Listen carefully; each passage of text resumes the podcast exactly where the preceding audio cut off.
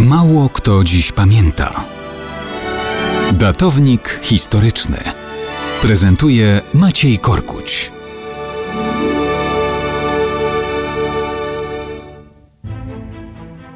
Jeśli jakiekolwiek bitwy z 1939 roku mamy nazwać polskimi termopilami, to na pewno powinna być w takim gronie bohaterska obrona Wizny.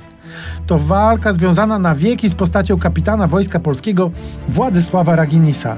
To jego podkomendni obsadzali odcinek niedokończonych jeszcze umocnień obronnych Wizna-Osowiec.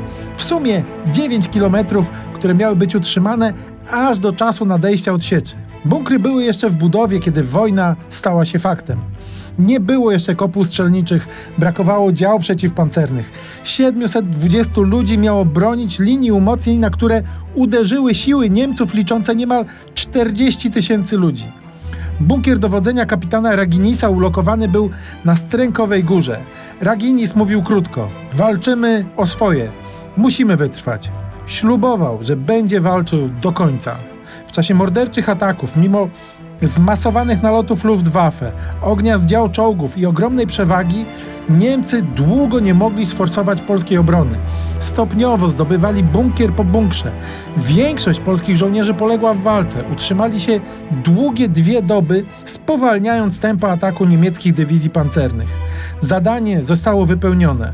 10 września 1939 roku ostatnia grupa żołnierzy otrzymała od Raginisa polecenie oddania się do niewoli.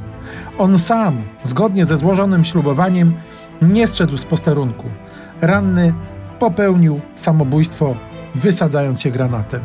Jeśli Wizna była polskimi termopilami, to Raginis niewątpliwie zasługuje na miano polskiego Leonidasa.